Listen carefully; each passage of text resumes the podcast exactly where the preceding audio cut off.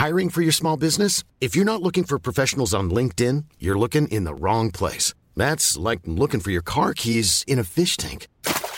LinkedIn helps you hire professionals you can't find anywhere else, even those who aren't actively searching for a new job but might be open to the perfect role. In a given month, over 70% of LinkedIn users don't even visit other leading job sites. So start looking in the right place. With LinkedIn, you can hire professionals like a professional. Post your free job on linkedin.com slash people today. Mother's Day is around the corner. Find the perfect gift for the mom in your life with a stunning piece of jewelry from Blue Nile. From timeless pearls to dazzling gemstones, Blue Nile has something she'll adore. Need it fast? Most items can ship overnight. Plus, enjoy guaranteed free shipping and returns. Don't miss our special Mother's Day deals. Save big on the season's most beautiful trends. For a limited time, get up to 50% off by going to BlueNile.com. That's BlueNile.com. Quality sleep is essential. That's why the Sleep Number Smart Bed is designed for your ever evolving sleep needs. Need a bed that's firmer or softer on either side? Helps you sleep at a comfortable temperature? Sleep Number Smart Beds let you individualize your comfort so you sleep better together. JD Power ranks Sleep Number number 1 in customer satisfaction with mattresses purchased in-store. And now save 40% on the Sleep Number limited edition Smart Bed for a limited time. For JD Power 2023 award information, visit jdpower.com/awards. Only at Sleep Number stores or sleepnumber.com. Behöver det gränslösa arbetslivet gränser?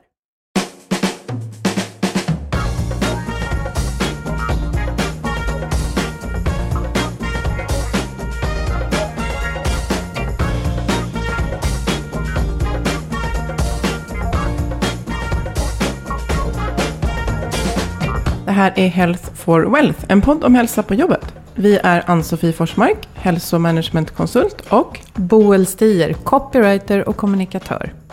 Vårt motto är att hälsa och lönsamhet hör ihop om man satsar långsiktigt och hållbart. Men hur gör man för att lyckas? Det tar vi reda på i den här podden. Ja, det pratas mycket om det gränslösa arbetslivet. Det pratas både bra och dåligt. Och eh, ja, men som med det mesta så bär ju möjligheter faktiskt med sig utmaningar också. Och som vi behöver lära oss att förhålla oss till och hantera. Och det här har bland annat Kristina Palm från KI studerat. Och det ska vi prata om idag. Men först Ja, vår partner Twitch Health funderar också på gränser och gränslöshet. För det är ju så här att det här med fysisk aktivitet, några av oss har det inbyggt i våra jobb, men de flesta av oss skulle vilja påstå har det inte. Och det faktum att vi sitter stilla väldigt mycket i våra liv numera gör ju faktiskt att vi dör i förtid och att vi mår onödigt dåligt. Och vad gör man åt det då? Ja, eftersom Twitch Health jobbar just med organisationer och företag kring hälsa så är det förstås någonting som de inte bara funderar på utan också jobbar aktivt med. Och frågan är då, hur gör man för att liksom inlämna det här med fysisk aktivitet på arbetsplatser där det inte är en naturlig del i själva arbetsuppgifterna? Och det finns ju många sätt att lösa det här på. Vi har ju pratat om det här i podden också. Ja, och, och flera sätt att och, och, och liksom se på ansvar och, och roller i det här. Så. Eh, och eh, Twitch har ju jobbat tillsammans med Atea länge. Och eh, de var den första organisationen, så, ja, vad vi vet, ni får gärna bestrida det här, men som var ute med att använda ordet rörelsekompensation. Och de har ett eh, jättehärligt initiativ som kallas för Sverigestafetten. Och i det här, och det här tycker jag är intressant, för här lyckades man engagera 93% av medarbetarna och fick 5 000 personer i IT i Sverige i rörelse. Jo, men det är häftigt i och med att det här var ju som jag förstår inget tvång Nej. eller inget obligatoriskt. För det är ju ett sätt att få med alla. Men frågan är, är det ett hållbart och liksom, kommer det då att fungera över tid? Och det här med tvång eller inte tvång, eller om träning måste innebära att man byter om, eller om det kan vara bara enklare rörelser. Det diskuteras i ett blogginlägg som ni kan läsa mer om på twitchhealth.se. Mm, och det är deras vd Fredrik Karlsson som har skrivit det. Och eh, ja, jag kan varmt rekommendera att läsa det. Eh, och få lite tankar och eh, ja, inspiration. Absolut. Mm, väcker frågor. Mm. Det här med gräns, gränser och gränslöshet är ju någonting som jag tror vi alla behöver fundera på idag.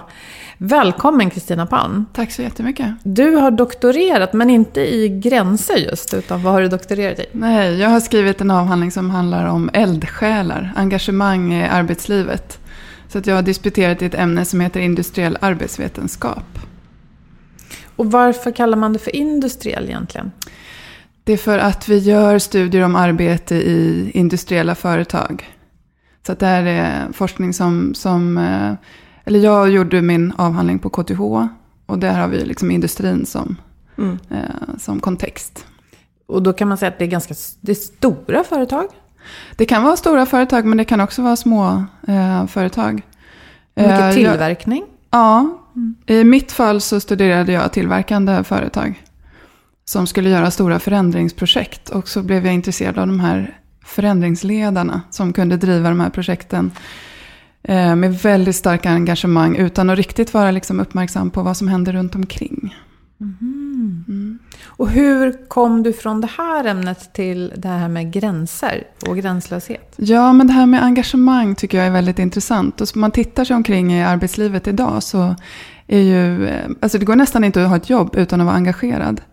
Och samtidigt så kan man ju då engagera sig hur mycket som helst, för det finns inte så mycket gränser.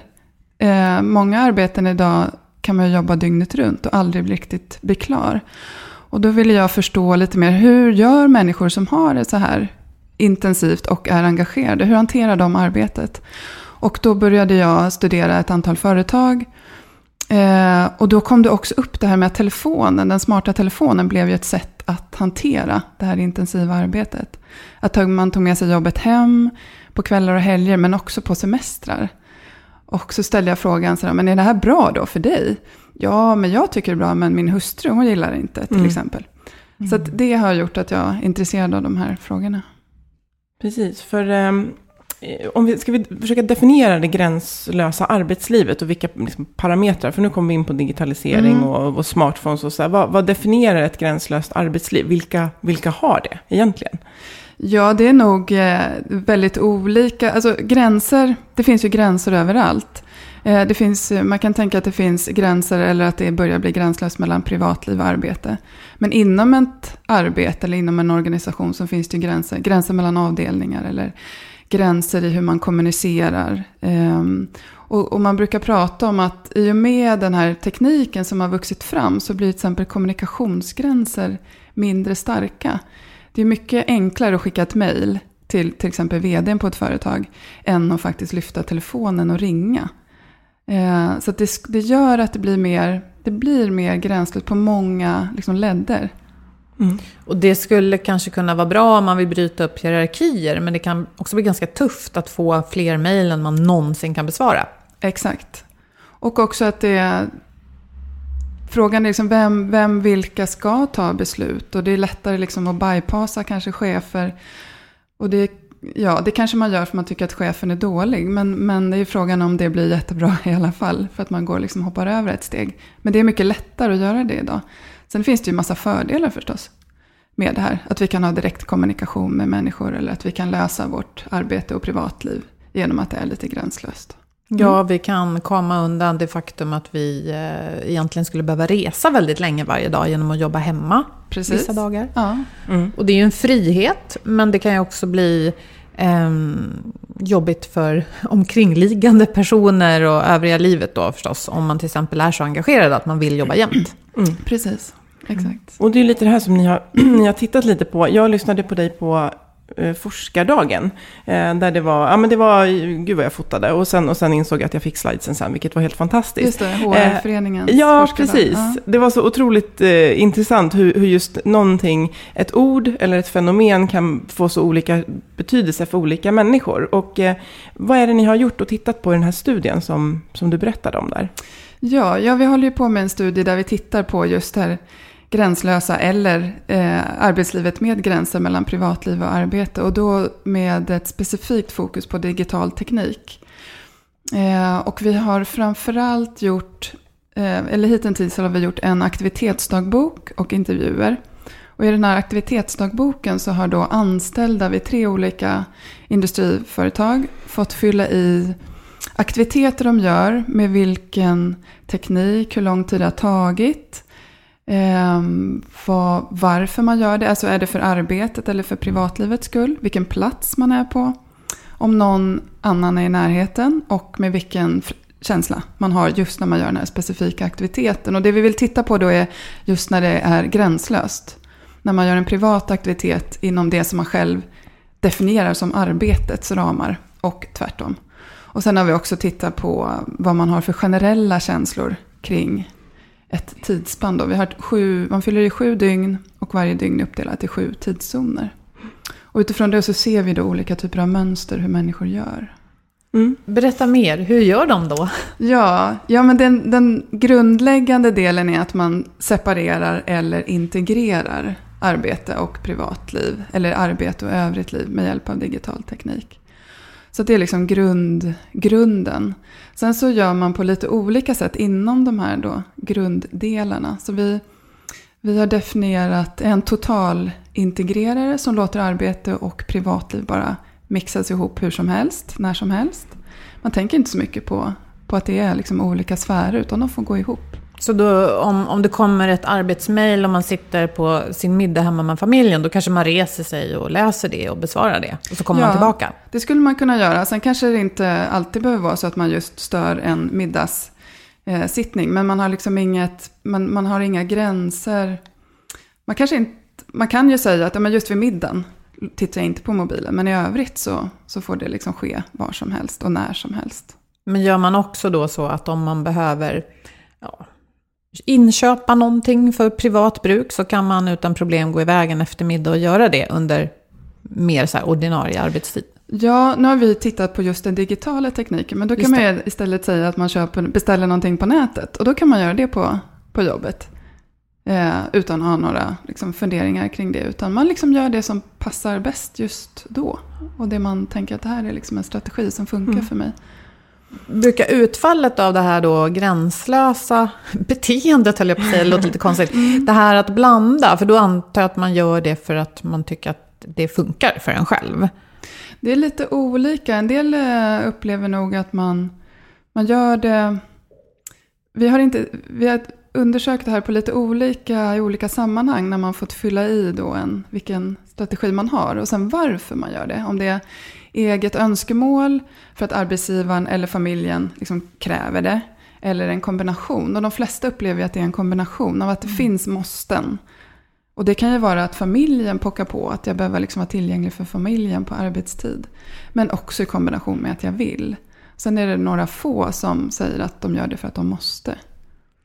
Men om jag vänder på frågan istället. Eh, kan du se i den här studien att några verkar hantera gräns och gränslöshet bättre eller sämre än andra?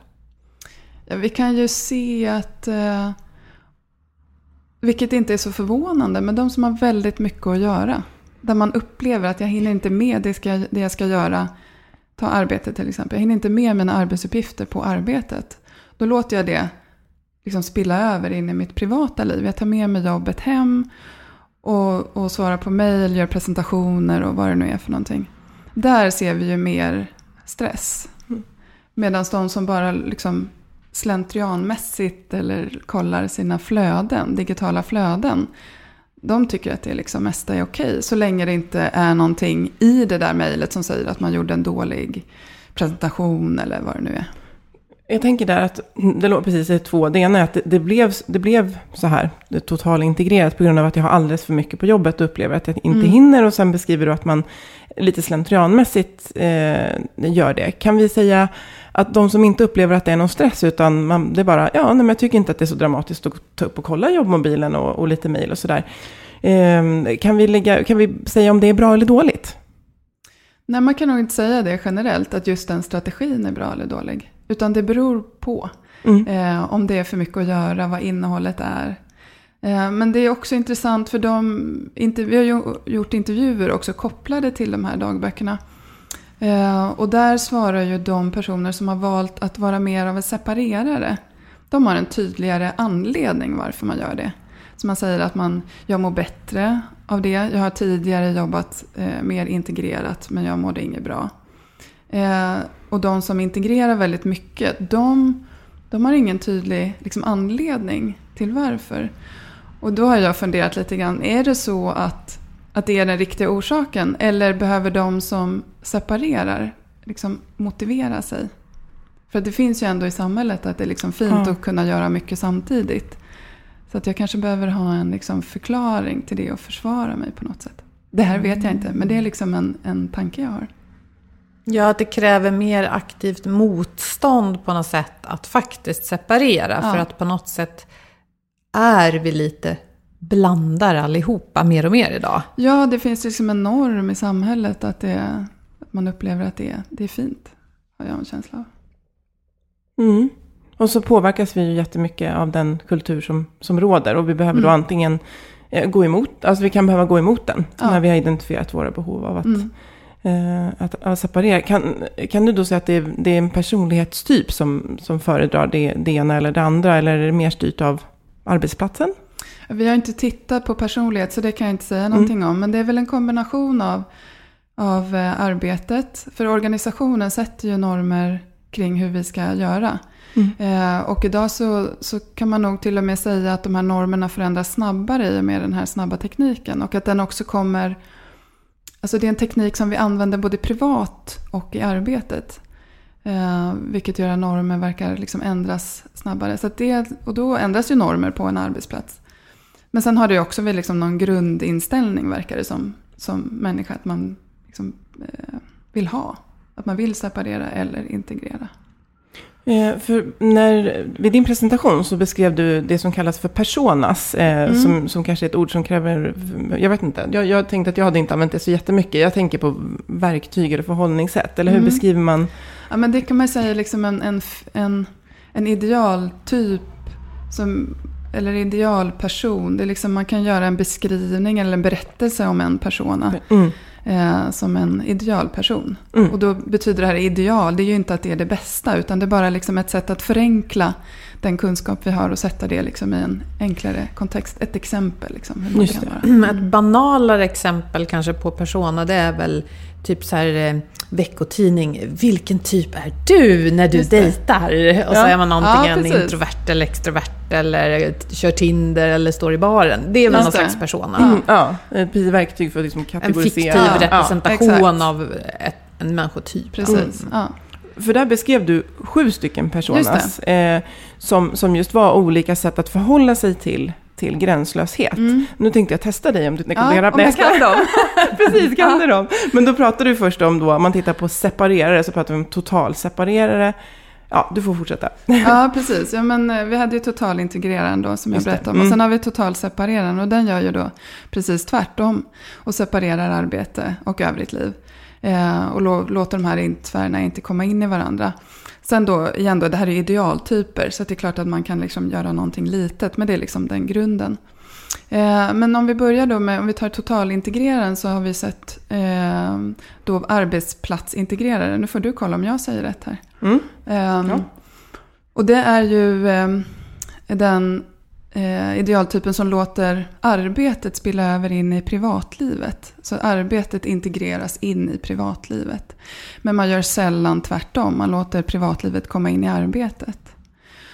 Eh, och sen har vi privatlivsintegreraren som gör då precis tvärtom. Man låter arbe- eller privatlivet komma in i, i arbetet, men inte tvärtom. Och sen har vi då eh, separeraren och då har vi eh, arbetsplatssepareraren som låter platsen definiera vad som är arbete och inte arbete. Eh, så det kan till exempel vara så att ja, men jag, så länge jag är på mitt arbete så arbetar jag. Och då kan klockan vara tio på kvällen även om liksom, den normala arbetstiden är till fem. Det är så jag liksom delar upp mm. mitt arbete och övrigt liv. Och sen har vi tidssepareraren som bestämmer att det är tiden som avgör när jag arbetar och inte. Så jag kanske bestämmer mig för att arbeta mellan åtta och fem och då kan jag sitta på ett café eller hemifrån eller på jobbet. Så liksom det är tiden som, som bestämmer. Mm. Och då eh, totalseparera den. Mm. Och sen har vi också någon som vi kallar, ibland kallar vi den för inkonsekventen och nu eh, senare växlaren. Inkonsekvent har ju kanske lite mer negativ anspelning. Men växlare är den som, som liksom byter mellan de här olika strategierna. Eh, och mm. inte har liksom en, en grundstrategi. Det är ju säkert så att jag menar, vi är olika som personer och de här strategierna, olika passar olika personer. Men har ni kunnat se någonting om att vissa av de här grupperna är mer eller mindre missnöjda? För ni eh, bad mm. dem ju också notera känslan de hade när de gjorde saker.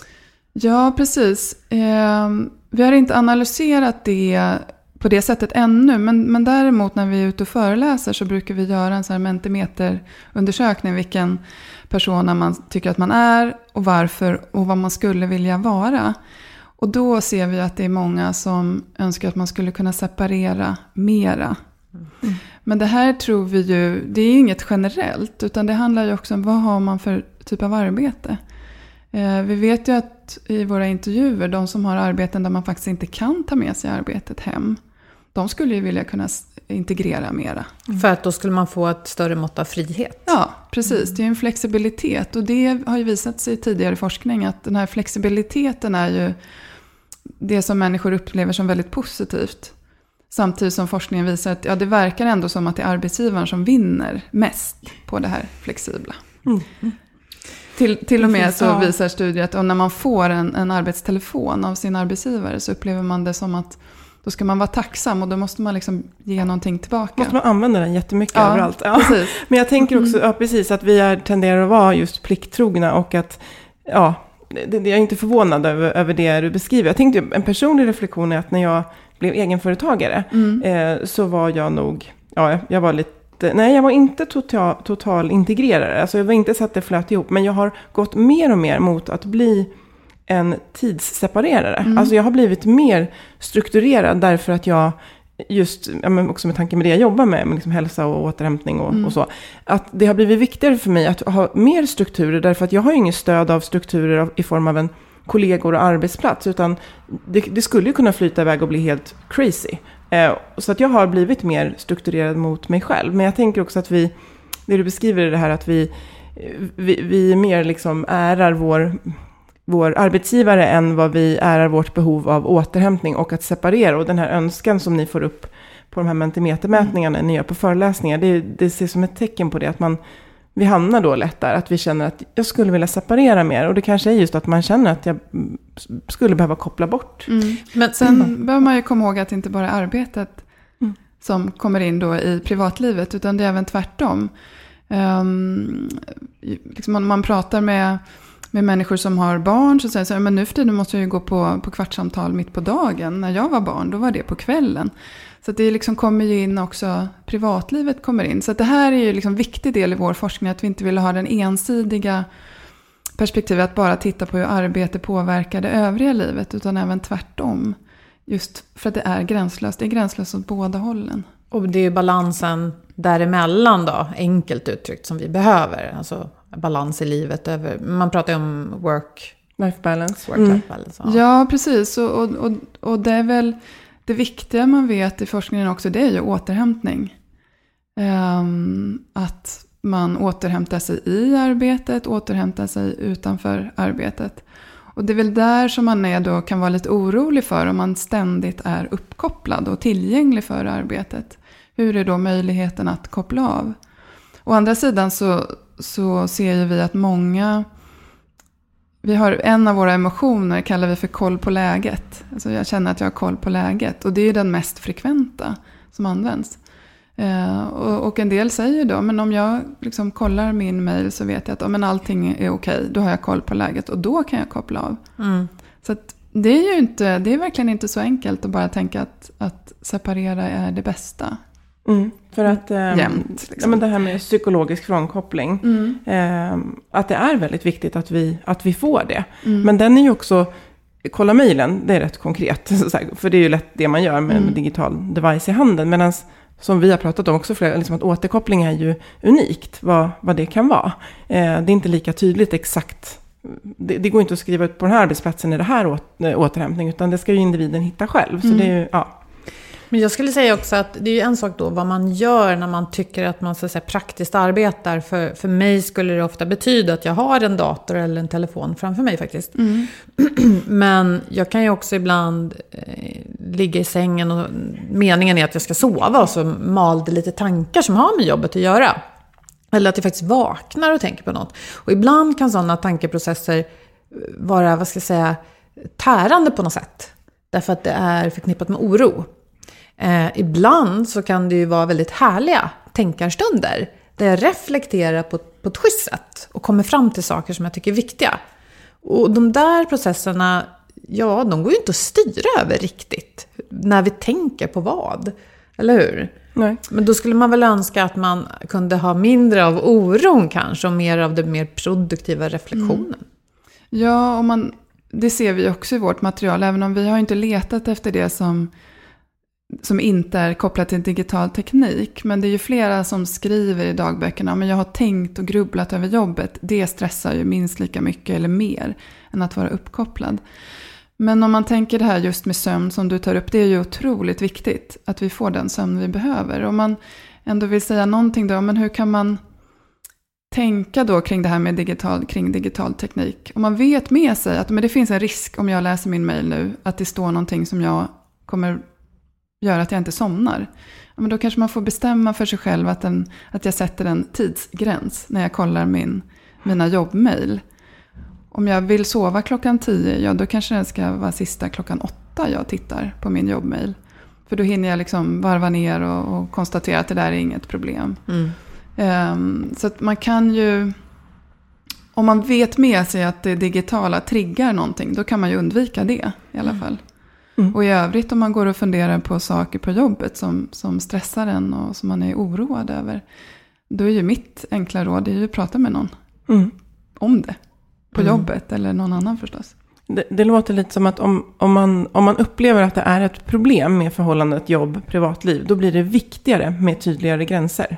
Ja, det skulle jag säga. Mm. Mm. För jag tänker, du i studien, ni tittar på tre stycken arbetsplatser. Mm. Totalt hur många människor har ni? Eh, dagböckerna har vi 33 som vi har mm. analyserat. Om. Kan ni se att någon av de här arbetsplatserna har eh, lyckats bättre med att stödja det här balansen arbete-privatliv? Och, och vad kan man säga att man har på plats då? Ja, vi kan väl i alla fall säga att vi har en arbetsplats där man är mindre bra på att stödja det. Um, och det handlar om vad vi kan förstå om att man inte har tydliga så här, funktionsmail eller funktionstelefonnummer. Så att man är väldigt beroende av att det är just en person man ska prata med. Och finns det då bara en person i det här, liksom, ja det är en person, ja då är det den personen man ringer mm. oavsett vad tiden är. Um, så det är någonting vi, vi funderar på. Det är klart att organisationen spelar ju roll här. Och det kan ju vara ett sätt att hantera det på. Att ja, men då har vi en funktionsmail så vi är tre som svarar. Och då ja. behöver inte alla göra det mm. Till exempel kväll. om man, hade någon, om man har en supportfunktion ja. för sina kunder. Så ska det inte vara en person som Precis. bemannar den dygnet runt. Exakt, mm. men så är det lite där. Oj då. Mm. Så att det, och, och, sen finns det säkert an, anledningar bakom varför det är sådär. Men, ehm, så det är någonting som vi ser som kan vara eh, problematiskt. I ett annat av bolagen så är de väldigt tydliga med att nej, men jag upplever inte att min arbetsgivare ställer krav på att jag ska vara tillgänglig hela tiden. Ehm, och då tänker jag att det är ju en liksom hjälp till att känna att nej, men då behöver jag inte vara det. Men jag kan om jag vill. Mm. Ja, precis. Och då är det lite enklare. Ja, mm. för då kommer vi till det här med flexibilitet. Att mm. då, då, finns det flexibilitet och så.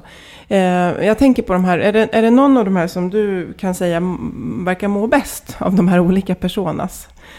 Nej, vi har tyvärr inte tittat på, på materialet på det sättet ännu. Mm. Så det kan jag inte svara på. Men det kanske kommer? Det kommer, ja. ja. Mm. För jag tänker, det kan vara jag tänker till våra lyssnare, så jag, jag tyckte det var jättekul att, att liksom titta på de här och fundera på vilken man var och vilken man själv kände någon typ av mm. värdering, att det där lät ju bättre än det andra. Att det kan vara någonting att liksom diskutera, tycker jag kan vara rätt intressant att reflektera över. Också på vissa arbetsplatser så eh, går det ju inte att ta med sig jobbet hem rent digitalt, men vi kan inte alltså, vi kanske tar med det i huvudet. Och det mm. kan vi också påverka väldigt mycket, vilk, vilken typ av kultur vi har. Mm. Eh, hur vi stöttar människor i att lämna jobbet och verkligen lämna det där. Eller hitta ett annat sätt att, att lämna jobbet så. Mm. Eh, men jag tänker till eh, erfarenheten från den här studien. Vad, vad tänker du att man ska tänka på ur ett arbetsplatsperspektiv och ha på plats? Ja, som, som arbetsgivare så tycker ju vi att man borde pröva att använda de här personas och göra det i en grupp eller tillsammans med de som man jobbar med mycket. Att man fyller i den här. Vad är man för någon? Vad har man för strategi? Och sen så pratar man om det i den här arbetsgruppen. För det, det vi har sett i materialet är ju också att de som skulle vilja vara separerare men upplever att de inte kan det för att de har kollegor som är integrerare på något vis. Eh, och då så tänker man så här, men jag måste ju ändå kolla min mail ikväll. För det kan ju vara så att jag har fått en kallelse till ett möte imorgon bitti. Eller fått handlingar jag borde läsa till klockan åtta. Eh, så då, då kan man liksom inte upprätthålla sin strategi eh, som man vill ha. Och mm. det verkar nog vara mer jobbigt än om man liksom bara är en, liksom har en strategi. Mm. Så att prata med varandra, vad, hur ser det ut och varför? Och också fundera på, skulle jag vilja att det är annorlunda? Och då får man ju fundera på, vad är det arbetsgivaren kan göra? Och vad kan jag göra? Mm. Vi har sett att det är eh, några som har, eh, de fyllde i dagboken så intervjuade de ett halvår efteråt. Och då är det några som berättar, men vi har ju faktiskt ändrat på det här. Jag gick hem, pratade med min sambo och så kom vi på att nej men så här vill ju inte vi leva. Mm. Så det faktum att de deltog i studien ja. fick dem att göra förändringar. Precis, mm. exakt. Alltså det, det tycker jag är en viktig del. Och sen som arbetsgivare tycker jag att man ska vara tydlig med vad man förväntar sig. Eh, I ett mejl eller i en policy. Säga att jag förväntar mig inte att ni ska svara på mejl på kvällar och helger. Eh, så att man vet det. Mm. Och det här är också inför semestrar, att man är tydlig med det. Mm. Eh, sen på individnivå, så det här med att inte läsa mejlen eh, för nära inpå. om man ska gå och sova, om man vet att det är ett problem. Men också att tänka på att min digitala strategi är ju mina kollegors arbetsmiljö. Så om jag skickar ett mejl sent på kvällen och någon läser det och så är det ett innehåll som inte är så lämpligt kanske att skicka ett mejl. Då ska jag ju fundera en gång till om jag ska skicka det där mejlet. Kanske överhuvudtaget, men framförallt på kvällen. Och kanske helst inte en fredagkväll. Nej, för jag tänker också att det kan kännas väldigt praktiskt själv för att man sitter och jobbar sent och det passar en själv just då. Mm. Eh, men man kan också ställa sig frågan, får jag bäst resultat av att plantera det här i huvudet på min kollega under kvällen eller på fredagskvällen? Eller skulle det faktiskt vara bättre att, att schemalägga det här mejlet? För så kan man göra numera. Mm. Mm. Så att det skickas iväg på måndag morgon istället. Mm. För jag tänkte på något annat, eh, det här med mobilen, att man får en eh, mobil från jobbet och så kan det bli arbetsgivaren som vinner på det.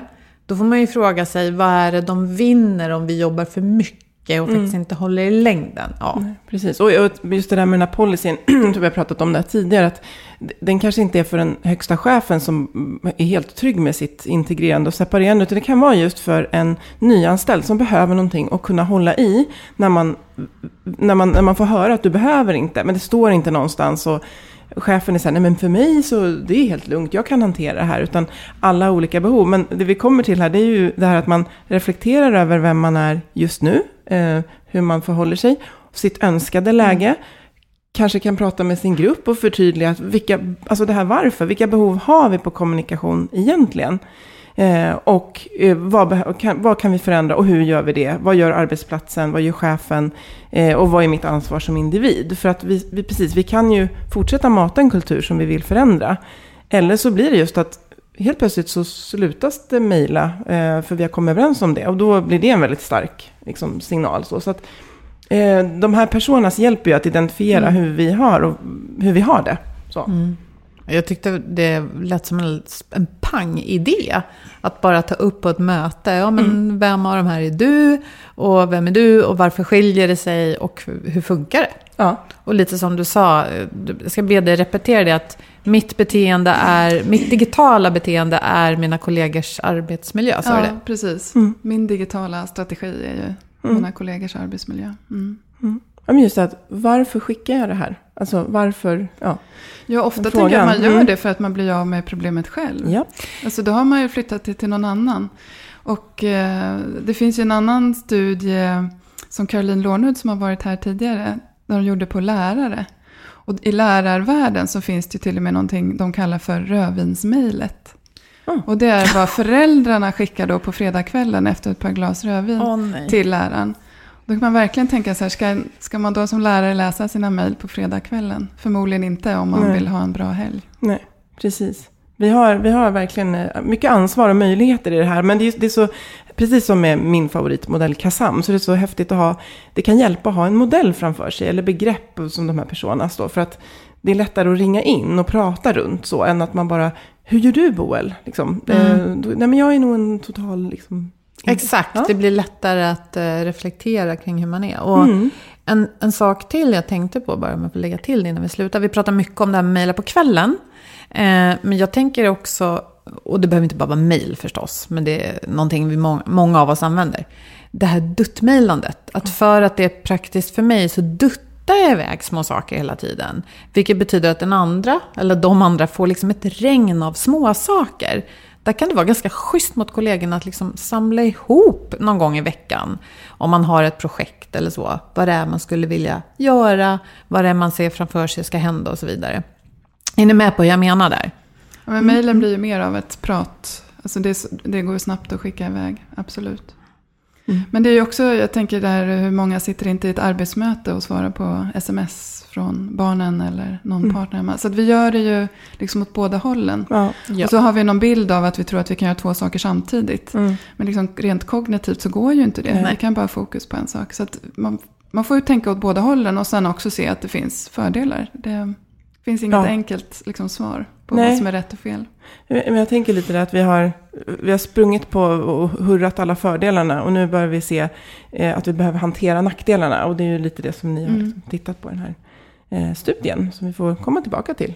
Mm. När ni är klara. För du, vad är Ja, vi jobbar ja. Eh, ett år till. Mm. Har vi finansiering för mm. då. Så att vi jobbar vidare. Sen har vi sökt pengar för att göra en studie om semestrar och hur, när man jobbar på semestern. Mm. Vad det får effekter. Vi hoppas att vi får medel för det. Ja, ja men det hoppas det vi också. också. det låter intressant. får vi ta den då. Ja.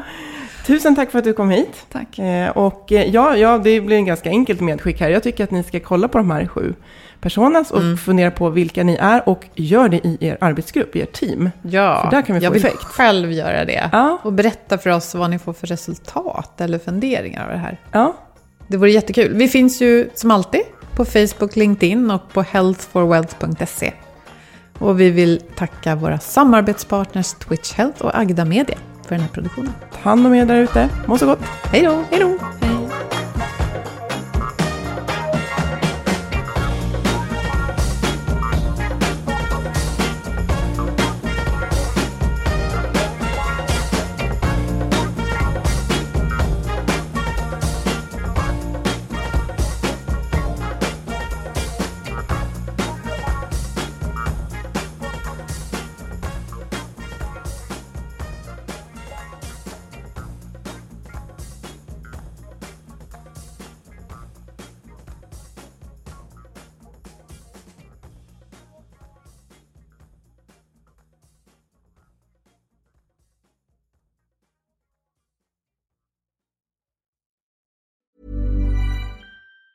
Even on a budget, quality is non-negotiable. That's why Quince is the place to score high-end essentials at 50 to 80% less than similar brands. Get your hands on buttery soft cashmere sweaters from just 60 bucks, Italian leather jackets, and so much more. And the best part about Quince, they exclusively partner with factories committed to safe, ethical, and responsible manufacturing. Elevate your style without the elevated price tag with Quince. Go to quince.com slash upgrade for free shipping and 365-day returns. Planning for your next trip?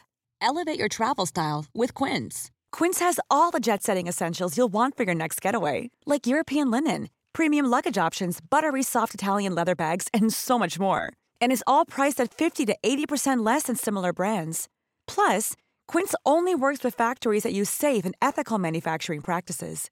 Pack your bags with high-quality essentials you'll be wearing for vacations to come with Quince. Go to quince.com slash pack for free shipping and 365-day returns. Normally, being a little extra might be a bit much, but not when it comes to healthcare. That's why United Healthcare's Health Protector Guard fixed indemnity insurance plans, underwritten by Golden Rule Insurance Company, supplement your primary plan so you manage out-of-pocket costs. Learn more at uh1.com.